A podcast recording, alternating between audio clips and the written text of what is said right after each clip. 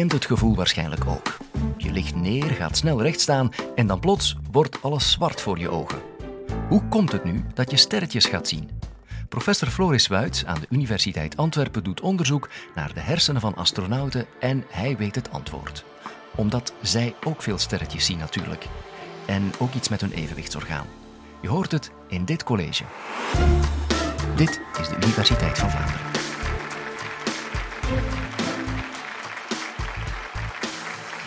Je kent allemaal het gevoel wel eens dat je te snel recht komt uit je bed en oh, een beetje zwart voor de ogen, wat sterretjes en dan, ja, dan is het voorbij. Oké, goed. Hoe komt dat? Wel, in essentie komt dat omdat er te weinig zuurstofrijk bloed naar het hoofd gepompt wordt. En ik zeg specifiek het hoofd, omdat het zowel naar de ogen als naar de hersenen moet.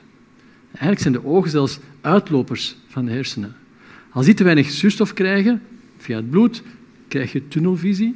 En als de hersenen te weinig bloed krijgen, omdat heel veel stukken van de hersenen bezig zijn met visuele interpretatie, visuele informatie, ja, dan gaat er wat van alles mis. En dan zie je ook rare bliksemschichten, sterretjes, een beetje zoals sommige mensen die een migraineaanval krijgen ook hebben.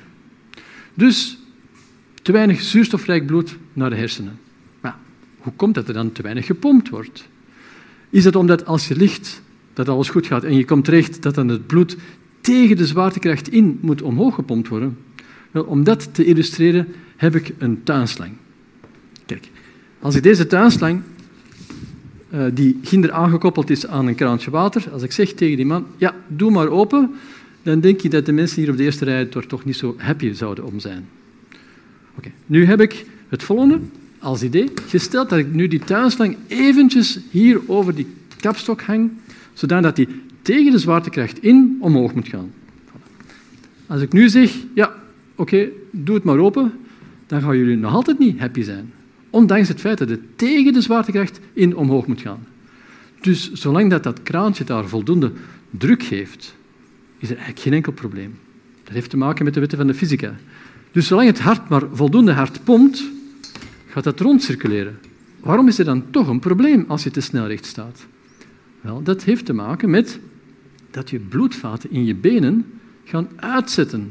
Op zich zou dat ook geen probleem zijn, waren het niet dat je maar een dikke 5 liter bloed hebt. Dus er blijft gewoon te veel bloed in die benen achter en er wordt te weinig terug naar het hart gepompt. Ja, en dan is er natuurlijk onvoldoende bloed om naar de hersenen te gaan en naar de ogen. Het pompen gebeurt onder andere ook door je spieren van je kuiten die je gaat opspannen. En daarnaast gaan dan bepaalde receptoren in de halsslagaders, eigenlijk drukmeters, baroreceptoren, die gaan ook meten van, tja, hier is te weinig druk. Die zijn die informatie door naar de hersenen en de hersenen gaan dan aan het hart zeggen een tandje bij te steken. Dus harder te pompen en dat ook de bloedvaten in uw armen en uw benen ook moeten gaan toegaan, zodat er meer bloed terug in circulatie komt. Dus als je moet op wacht staan bijvoorbeeld, ja, dan heb je natuurlijk niet veel beweging van je benen. Dus kan dat al wel eens een keer nadelige effecten hebben. Dus krullen met die tenen, belangrijk, dus die benen gebruiken. Maar dat als je moet wachten bij de beenhouwer en het duurt wat te lang, en je voelt dat zo, ik begin het wat te voelen, dan kan je bijvoorbeeld proberen van op zijn Charlie Chaplin te gaan staan, zo met de voeten zo helemaal uiteen. Want dan ga je die beenspieren, en vooral die van de, van de billen, ook wat extra opspannen, zodat je terug wat meer bloed in circulatie brengt. Nu, een groep mensen die bijzonder veel last hebben van ja, deze fenomenen, en men noemt het eigenlijk orthostatisme of orthostatische intolerantie, dat zijn astronauten als die terugkomen uit de ruimte. Meestal blijven ze er tegenwoordig een, een zestal maanden en als ze dan landen op aarde, dan is dat niet echt een fantastisch fijn verhaal, want ze voelen zich niet best, best niet oké en hebben heel veel last van dat bijna gaan flauwvallen. Dus ze kunnen zich helemaal niet zo de eerste dagen vrij en vrolijk rondwandelen en, oprichten, want die bloeddrukval speelt hen enorm veel parten. En dat is ook trouwens de reden waarom dat als je die landingen bekijkt van de cosmonauten en astronauten, als ze met de Soyuz-capsule geland zijn in uh, Kazachstan, dat die dan eigenlijk uit die capsule moeten gedragen worden, want niet alleen zijn uw spieren te zwak, maar eigenlijk dat orthostatisme speelt toch wel zeker een heel belangrijke rol. Dus die zitten ook in die kuipstoeltjes en als er dan een hoogwaardigheidsbekleder komt om die te begroeten, dan veren die niet recht en zeggen hallo of geven een knuffel, maar dan zeggen van, vanuit de stoel van ja, kan niet anders. Ja. Dus dat is wel degelijk een probleem. De volgende stap dat de mensheid wil doen, is eigenlijk toch wel naar Mars gaan. Over een aantal jaren is dat het doel. Voor zover we weten, is daar geen welkomstcomité die lekker kan helpen bij het uit de capsule dragen. Nee, ze moeten het zelf klaren. Ze moeten het zelf fixen. Dus het is heel belangrijk dat je eigenlijk perfect dat principe van dat orthostatisme gaat begrijpen. En er mogelijk net allicht iets gaat aan doen. Als je het kunt begrijpen, kun je het gaan tackelen. Nu, een van de eerste suggesties om in een goede richting te gaan, was eigenlijk een experiment dat bijna twintig jaar geleden gebeurd is, waarbij men astronauten in de Space Shuttle op een draaistoel heeft gezet, eh, heeft gezet en die laten draaien. En eigenlijk gaf dat kunstmatige zwaartekracht. En die astronauten die daar hebben in rondgezwierd, die hadden ook nadien veel, veel minder last van dat orthostatisme dan zij die niet waren rondgezwierd. Dus dat is het effect dat men heeft als je in die draaistoel zit. Een heel fascinerend beeld. En dus men ziet gewoon hoe dat ze rondgedraaid worden. En dus dat was maar een paar minuten, maar blijkbaar was dat op een of andere manier een soort reset, zodat ze veel minder last hadden nadien bij het terugkomen op de aarde. Dat is men beginnen denken van, goh, hoe zou dat nu komen? Wat is daar nu een van de essentiële onderdelen van? En dan komen we bij het evenwichtsorgaantje. Het evenwichtsorgaantje dient niet alleen voor de ogen te stabiliseren, voor blikstabilisatie, maar dat dient ook om eigenlijk constant te weten waar is de grond, waar is de zwaartekracht, wat is de richting ervan. Heel belangrijk, want als je dat niet zou weten vanaf dat je je ogen morgens open doet, ja, dan kan je echt wel heel snel vallen, want dan, ja, dan kun je niet oriënteren. Dus die zwaartekracht wordt, moet constant in de gaten gehouden worden. In de ruimte ervaren astronauten gedurende die zes maanden natuurlijk geen zwaartekracht, want ze zijn constant aan het vallen. Dus dat deel van het evenwichtorgaan dat die zwaartekracht moet detecteren, is helemaal het noorden kwijt, is de kluts kwijt, van weet niet wat er gebeurt. En dan komt dat plots terug in een overdosis van zwaartekracht op aarde, is echt helemaal ontregeld.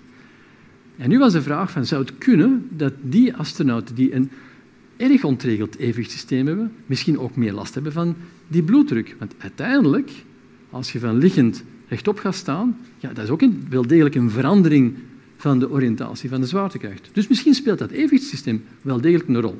Dat was de grote vraag. Dus hebben de afgelopen jaren uh, ons team uh, met internationale samenwerking uh, voor de Europese Ruimtevaartorganisatie en de Russische Ruimtevaartorganisatie verschillende experimenten kunnen doen, waarbij dat we cosmonauten heel snel nadat ze geland waren op aarde, enfin de eerste dagen, op een draaistoel kunnen zetten. En eigenlijk was het dezelfde draaistoel die in de ruimte is gebruikt, een aantal jaren ervoor.